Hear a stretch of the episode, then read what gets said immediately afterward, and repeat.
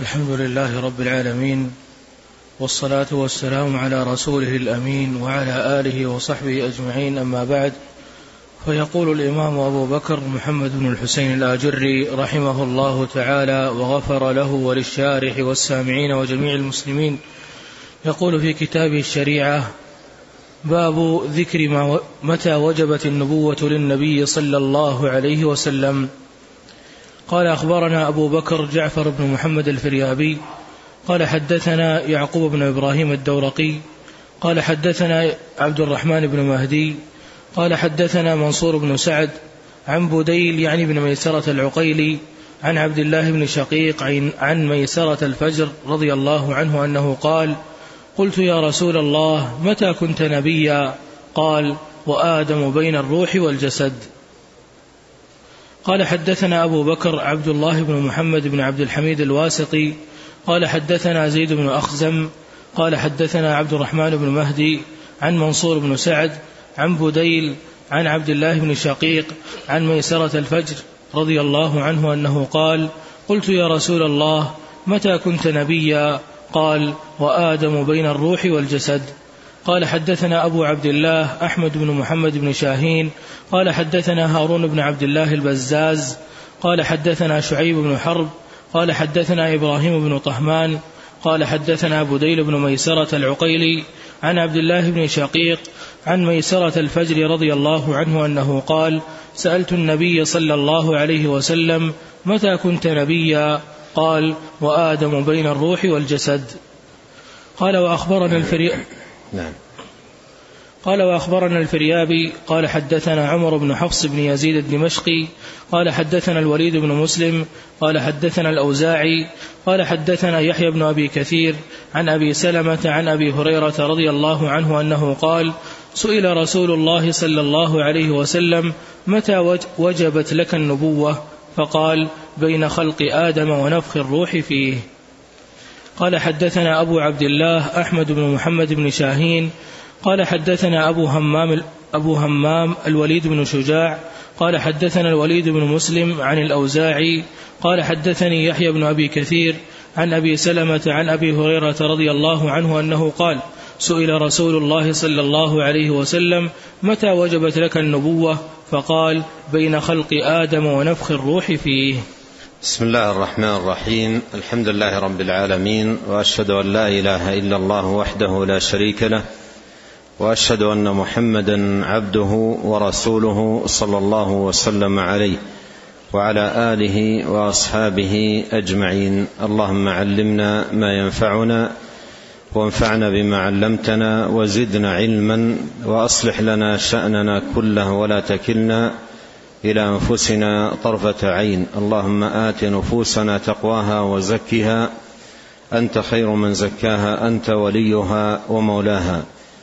أما بعد قال المصنف الإمام الآجري رحمه الله تعالى باب ذكر متى وجبت النبوة للنبي صلى الله عليه وسلم. هذه الترجمة عقدها المصنف رحمه الله تعالى لبيان فضيلة عظيمة لنبينا عليه الصلاة والسلام ومكانة علية وهي أن الله سبحانه وتعالى قدر وكتب نبوته حين كان آدم بين الروح والجسد. حين كان آدم بين الروح والجسد فكتب في ذلك الوقت نبوة محمد عليه الصلاة والسلام. ولهذا لما سئل عليه الصلاة والسلام في غير ما حديث متى وجبت لك النبوة وفي بعض الروايات متى كتبت لك النبوة فقال عليه الصلاة والسلام وآدم بين الروح والجسد. أورد المصنف رحمه الله تعالى حديث ميسرة وحديث أبي هريرة. في حديث ميسرة قال قلت يا رسول الله متى كنت نبيا؟ وجاء في بعض روايات الحديث متى كتبت نبيا. قال وآدم بين الروح والجسد. قوله متى كنت نبيا؟ الكون هنا في قول متى كنت الكون هنا المراد به الكون الكتابي. المراد به الكون الكتابي. المراد بقوله متى كنت نبيا أي متى كتبت. وقدر قدر الله أنك نبي. ويوضح ذلك أن الحديث جاء في بعض الروايات بهذا اللفظ متى كتبت نبيا؟ وجاء في بلفظ كما سيأتي عند المصنف متى وجبت لك النبوة؟ أي فيما قدره الله سبحانه وتعالى وقضاه. فقوله متى كنت نبيا؟ أي كون في التقدير الكتابي وليس كونا في الوجود العيني وليس كونا في الوجود العيني لأن النبي عليه الصلاة والسلام لم يكن نبيا في الوجود العيني إلا على رأس الأربعين من عمره حيث نبئ عليه الصلاة والسلام فأصبح حينئذ نبيا. صلى الله عليه وسلم من حيث الوجود العيني. أما التقدير تقدير هذه النبوة وكتابتها وما مضى في به قدر الله سبحانه وتعالى فوقت ذلك كما جاء في الحديث قال وآدم بين الروح والجسد. إذا مراد نبينا عليه الصلاة والسلام بقوله كنت نبيا وآدم بين الروح والجسد أن الله سبحانه وتعالى كتب نبوته وأظهرها وذكر جل وعلا اسمه في ذلك الوقت. ولهذا جعل ذلك في ذلك الوقت بعد خلق جسد آدم وقبل نفخ الروح فيه. بعد خلق آدم وقبل نفخ الروح فيه. ولهذا سيأتي معنا في حديث العرباض وإن آدم لمنجدل في طينته. وسيأتي بيانه. ففي ذلك الوقت يعني بعد أن خلق الله عز وجل جسد آدم وقبل أن ينفخ الروح فيه قدر وكتب سبحانه وتعالى نبوة صلى الله عليه وسلم. نعم. قال رحمه الله حدثنا أبو بكر هذا هذا الوقت الذي هو بعد خلق الجسد وقبل نفخ الروح كما واضح في النصوص هو وقت الذي تقدر فيه تقدر فيه تقادير العمرية لكل إنسان.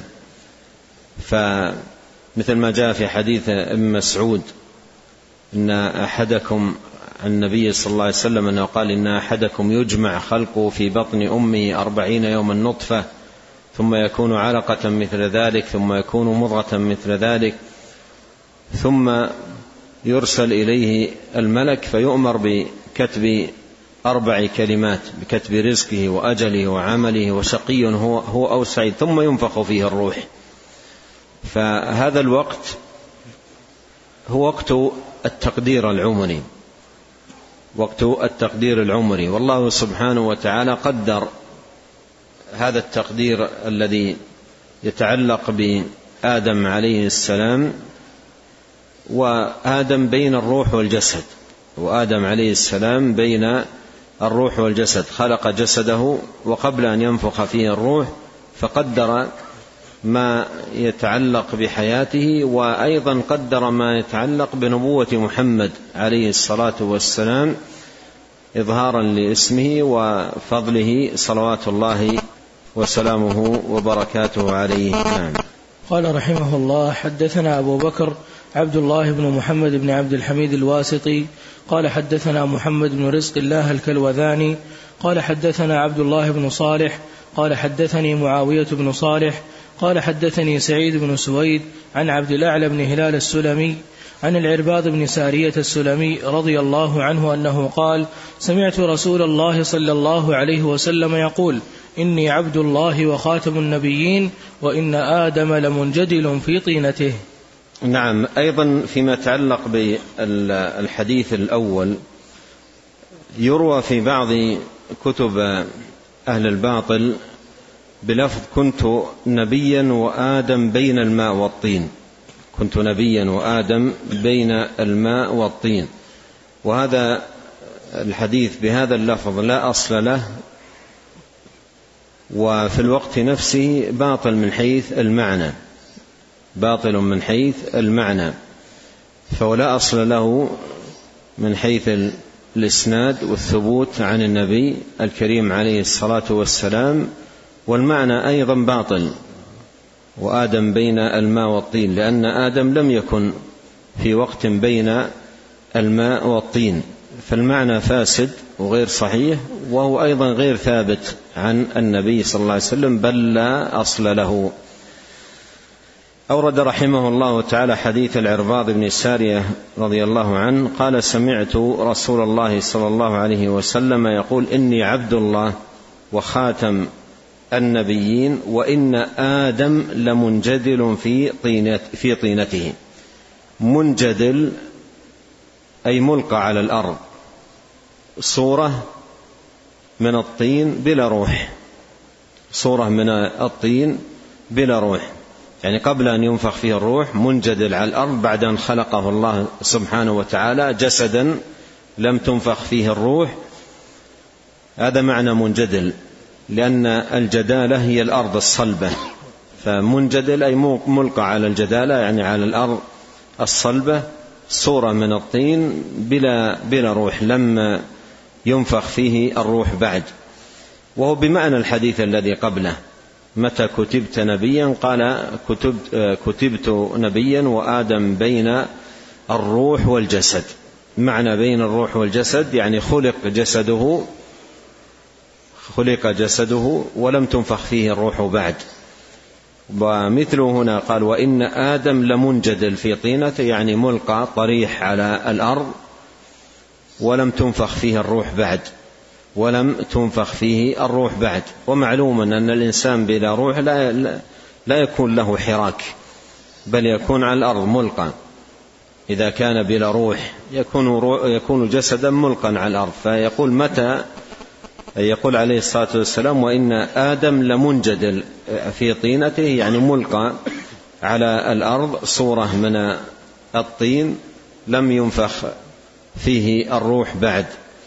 قال إني عبد الله وخاتم النبيين وإن آدم لمنجدل في طينته. إني عبد الله وخاتم النبيين أي فيما قدر الله وقضى في ذلك الوقت لا من حيث الوجود لأنه لم يكن ذلك نبيا مرسلا إلا بعد أن ولد عليه الصلاة والسلام بل على رأس الأربعين من عمره الشريف صلوات الله وسلامه وبركاته عليه. نعم.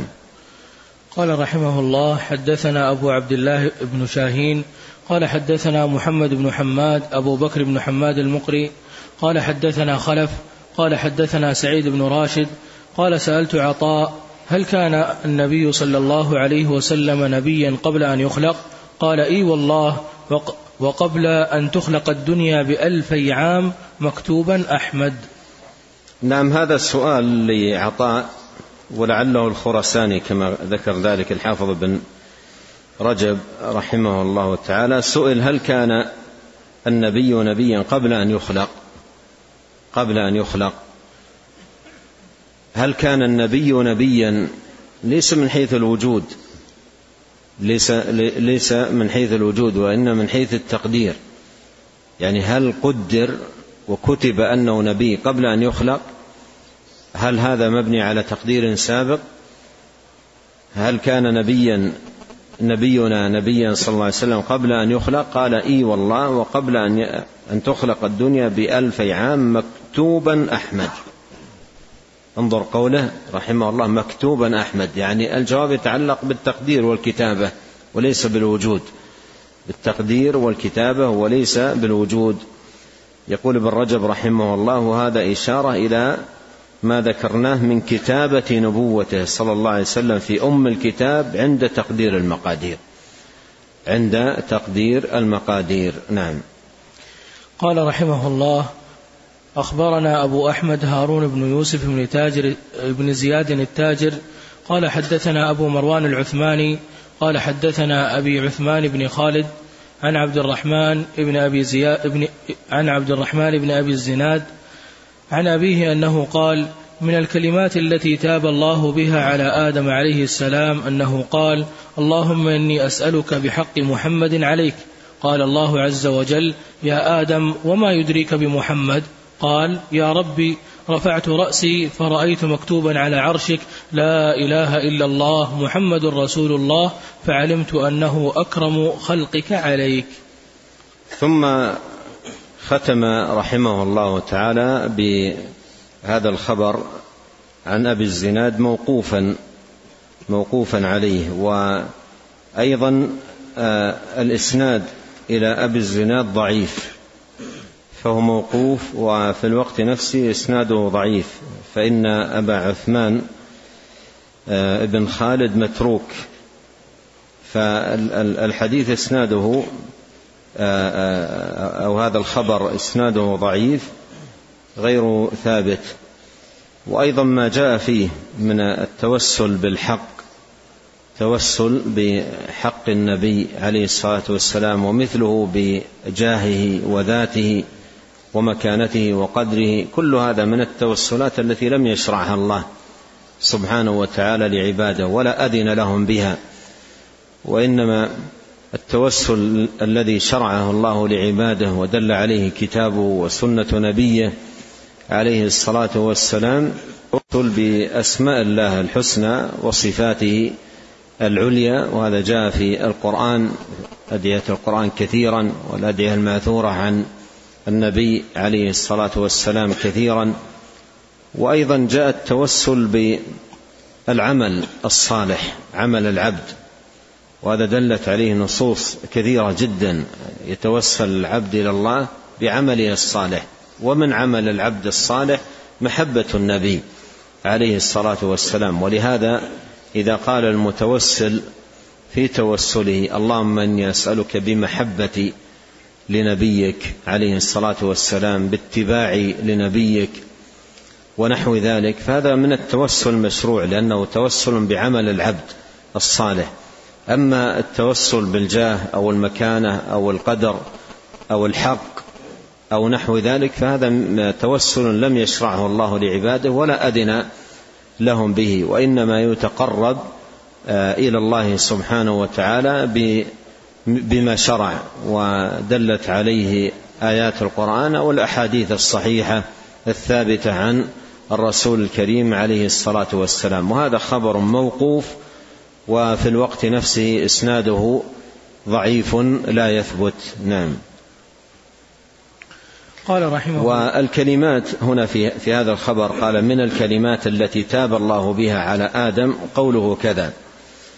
آه الذي دل عليه القرآن في تلقي آدم الكلمات من ربه فقالها ودعا الله سبحانه وتعالى بها وتاب عليه.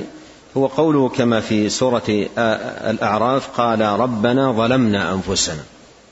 قال أي آدم وزوجه حواء ربنا ظلمنا أنفسنا وإن لم تغفر لنا وترحمنا لنكونن من الخاسرين. وقد جاء عن عن غير واحد من أئمة السلف رحمهم الله تعالى تفسير الكلمات التي تلقاها آدم من ربه فتاب عليه بهذه الدعوات العظيمة التي ذكرها الله سبحانه وتعالى في سورة الأعراف. نعم.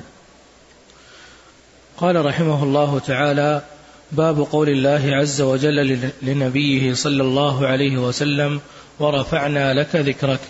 قال أخبرنا أبو محمد يحيى بن محمد بن صاعد قال حدثنا محمد بن منصور الطوسي قال حدثنا الحسن بن موسى الأشيب حاء قال ابن صاعد وحدثنا محمد بن إسحاق يعني الصاغاني قال حدثنا أبو الأسود النضر بن عبد الجبار قال حدثنا ابن لهيعة أنه قال حدثنا دراج أبو السمح عن أبي الهيثم عن أبي سعيد الخدري رضي الله عنه عن رسول الله صلى الله عليه وسلم أنه قال أتاني جبريل عليه السلام فقال إن ربي عز وجل يقول كيف رفعت ذكرك؟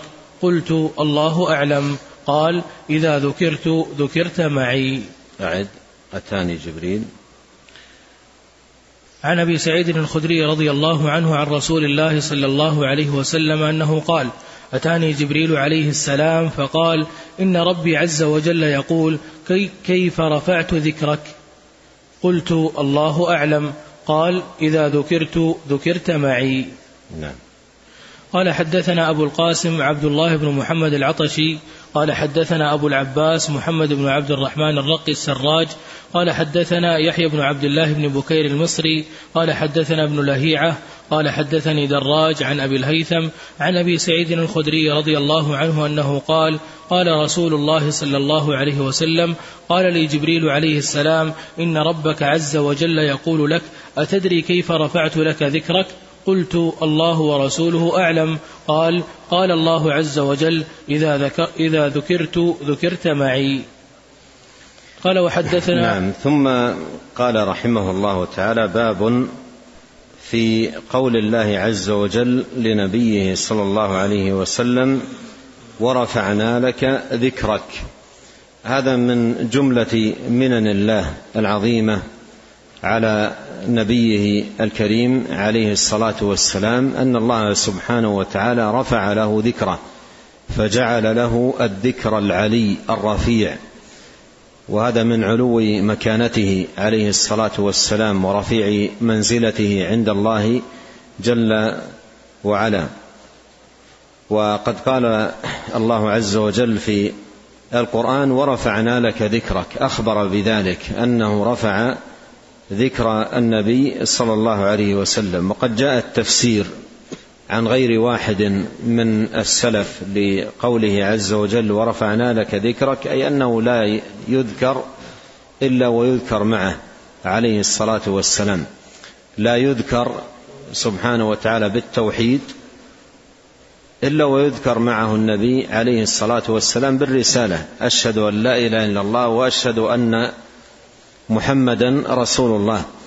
أشهد أن لا إله إلا الله وأشهد أن محمدا رسول الله. فلا يذكر إلا ويذكر معه. صلوات الله وسلامه عليه. فهذا آه، آه، إعلام وإشعار بعلو مكانته ورفيع منزلته وقدره صلوات الله وسلامه وبركاته عليه. ساق أولا هذا الحديث وإسناده ضعيف فيه أكثر من رجل ضعيف آه، ابن لهيعة وشيخه وشيخ شيخه آه، دراج وأبي الهيثم. فالإسناد ضعيف. قال أتاني قال عليه الصلاة والسلام أتاني جبريل عليه السلام فقال إن ربي عز وجل يقول كيف رفعت ذكرك؟ قلت الله أعلم قال إذا ذكرت ذكرت معي. إذا ذكرت ذكرت معي. والإسناد كما تقدم ضعيف لكن من حيث المعنى بهذا فسر غير واحد من السلف رحمهم الله تعالى هذه الآية الكريمة كما سيأتي. نعم. قال رحمه الله وحدثنا أبو محمد بن صاعد قال حدثنا أبو عبيد الله المخزومي قال حدثنا سفيان بن عيينة عن ابن أبي نجيح عن مجاهد رحمه الله في قول الله تعالى ورفعنا لك ذكرك قال لا أذكر إلا ذكرت معي أشهد أن لا إله إلا الله وأشهد أن محمدا رسول الله نعم. قال وحدثنا أبو بكر عبد الله بن محمد بن عبد الحميد الواسطي قال حدثنا محمد بن ميمون الخياط قال حدثنا سفيان قال سمعته أذناي ووعاه قلبي هاتين الآيتين من ابن أبي نجيح عن مجاهد رحمه الله في قول الله عز وجل ورفعنا لك ذكرك. قال لا أذكر إلا ذكرت معي أشهد أن لا إله إلا الله وأشهد أن محمدا رسول الله. وفي قول الله عز وجل وإنه لذكر لك ولقومك. قال يقال ممن هذا الرجل؟ فيقال من العرب فيقال من أي العرب؟ فيقال من قريش. هذا تفسير آه، مروي عن مجاهد رحمه الله تعالى لقول الله عز وجل ورفعنا لك ذكرك ورفعنا لك ذكرك. قال لا أذكر إلا ذكرت معي لا أذكر إلا ذكرت معي. أشهد أن لا إله إلا الله وأشهد أن محمدا رسول الله. فهذا من معنى قوله هذا من معنى قوله سبحانه وتعالى ورفعنا لك ذكرك ليس هذا كل المعنى وإنما هذا من معنى قوله سبحانه وتعالى ورفعنا لك ذكرك أن الله سبحانه وتعالى لا يذكر إلا ويذكر معه كما في التشهد في الأذان وفي غيره أشهد أن لا إله إلا الله وأن محمدا عبده ورسوله في الآذان وفي التشهد وفي مواطن عديدة. بل إن الله سبحانه وتعالى لا يقبل من عبد شهادة التوحيد إلا مقرونة بالشهادة لمحمد عليه الصلاة والسلام. فهما شهادتان متلازمتان لا قبول لإحداهما إلا بالأخرى. فلا يقبل الله سبحانه وتعالى من عبد لا إله إلا الله إلا إذا ضم إليها محمد رسول الله. فقوله رفعنا لك ذكرك لا أي لا أذكر إلا ذكرت معي. أشهد أن لا إله إلا الله وأشهد أن محمدا رسول الله. وما يفعل في بعض مساجد المسلمين في المحراب يكتب اسم الله سبحانه وتعالى ويكتب اسم النبي. عليه الصلاة والسلام وبعضهم لا يكتفي بذلك. يكتب أمام اسم الله يا الله وأمام اسم النبي يا محمد. وهذا باطل والعياذ بالله. وهو من التنديد الذي يبطل العمل ويحبطه عياذا بالله. فيكون بهذه يكون بهذه الطريقة جعل ندا لله سبحانه وتعالى وهو خلاف هذا المعنى. أما قوله ورفعنا لك ذكرك فهو لا يذكر إلا ويذكر معه لكن يذكر معه بوصفه عليه الصلاة والسلام لا أن يكون ندا لله يذكر بوصفه وهو الرسالة. أشهد أن لا إله إلا الله وأشهد أن محمدا رسول الله. لا يذكر معه ذكر ند والعياذ بالله وإنما يذكر آه، بوصف الرسالة والله سبحانه وتعالى يذكر بالوحدانية لا شريك له أشهد أن لا إله إلا الله وأشهد أن محمدا عبده ورسوله. نعم. قال رحمه الله وأخبرنا أبو زكريا يحيى بن محمد الحنائي قال حدثنا طالوت بن عباد قال الحنائي. قال وأخبرنا أبو زكريا يحيى بن محمد الحنائي قال حدثنا طالوت بن عباد قال حدثنا أبو حمزة عن الحسن رحمه الله في قول الله عز وجل ورفعنا لك ذكرك قال ألا ترى أن الله عز وجل لا يذكر في موطن إلا ذكر نبيه صلى الله عليه وسلم معه نعم وهذا نظير ما تقدم عن مجاهد في تفسير قوله عز وجل ورفعنا لك ذكرك يقول الحسن والبصري ألا ترى أن الله عز وجل لا يذكر في موطن إلا ذكر نبيه صلى الله عليه وسلم معه مشيرا إلى التشهد شهادة لا إله إلا الله وأن محمدا رسول الله صلى الله عليه وسلم. نعم. قال رحمه الله حدثنا أبو بكر بن أبي داود قال حدثنا أبو الحارث الفهري قال أخبرني سعيد بن عمرو قال حدثنا أبو عبد الرحمن بن عبد الله بن إسماعيل بن بنت أبي مريم قال حدثني عبد الرحمن بن زيد بن أسلم عن أبيه عن جده عن عمر بن الخطاب رضي الله عنه أنه قال لما أذنب آدم عليه السلام الذنب الذي أذنبه رفع رأسه إلى السماء فقال أسألك بحق محمد إلا غفرت لي. قال فأوحى الله عز وجل إليه وما محمد ومن محمد قال تبارك اسمك لما خلقتني رفعت رأسي إلى عرشك فإذا فيه مكتوب لا إله إلا الله محمد رسول الله فعلمت أنه ليس أحد أعظم قدرا عندك ممن جعلت اسمه مع اسمك. فأوحى الله عز وجل إليه يا آدم وعزتي وجلالي إنه لآخر النبيين من ذريتك ولولاه ما خلقتك. نعم هذا الأثر موقوف على عمر بن الخطاب رضي الله عنه وإسناده لا يثبت إليه. إسناده لا يثبت إلى عمر بن الخطاب رضي الله عنه لأن في الإسناد عبد الرحمن بن زيد بن أسلم هذا ضعيف باتفاق أهل الحديث. هذا ضعيف باتفاق أهل الحديث. قال ابن تيمية رحمه الله ضعيف باتفاقهم يغلط كثيرا. فحديث مثلي لا لا يحتج به ولا يعتمد عليه. وما جاء فيه من توسل بحق النبي عليه الصلاة والسلام هو كما تقدم من التوسل الذي لم يأذن الله سبحانه وتعالى به ولم يأتي إلا في مثل هذه الأخبار الضعيفة التي لا يحتج بها وإنما التوسل الذي أذن الله سبحانه وتعالى به وقد دل عليه القرآن ودلت عليه السنة هو التوسل إلى الله بأسماء الحسنى وصفاته العليا والتوسل إليه بعمل العبد الصالح فهذا هو الذي أذن الله به وشرعه لعباده. نعم.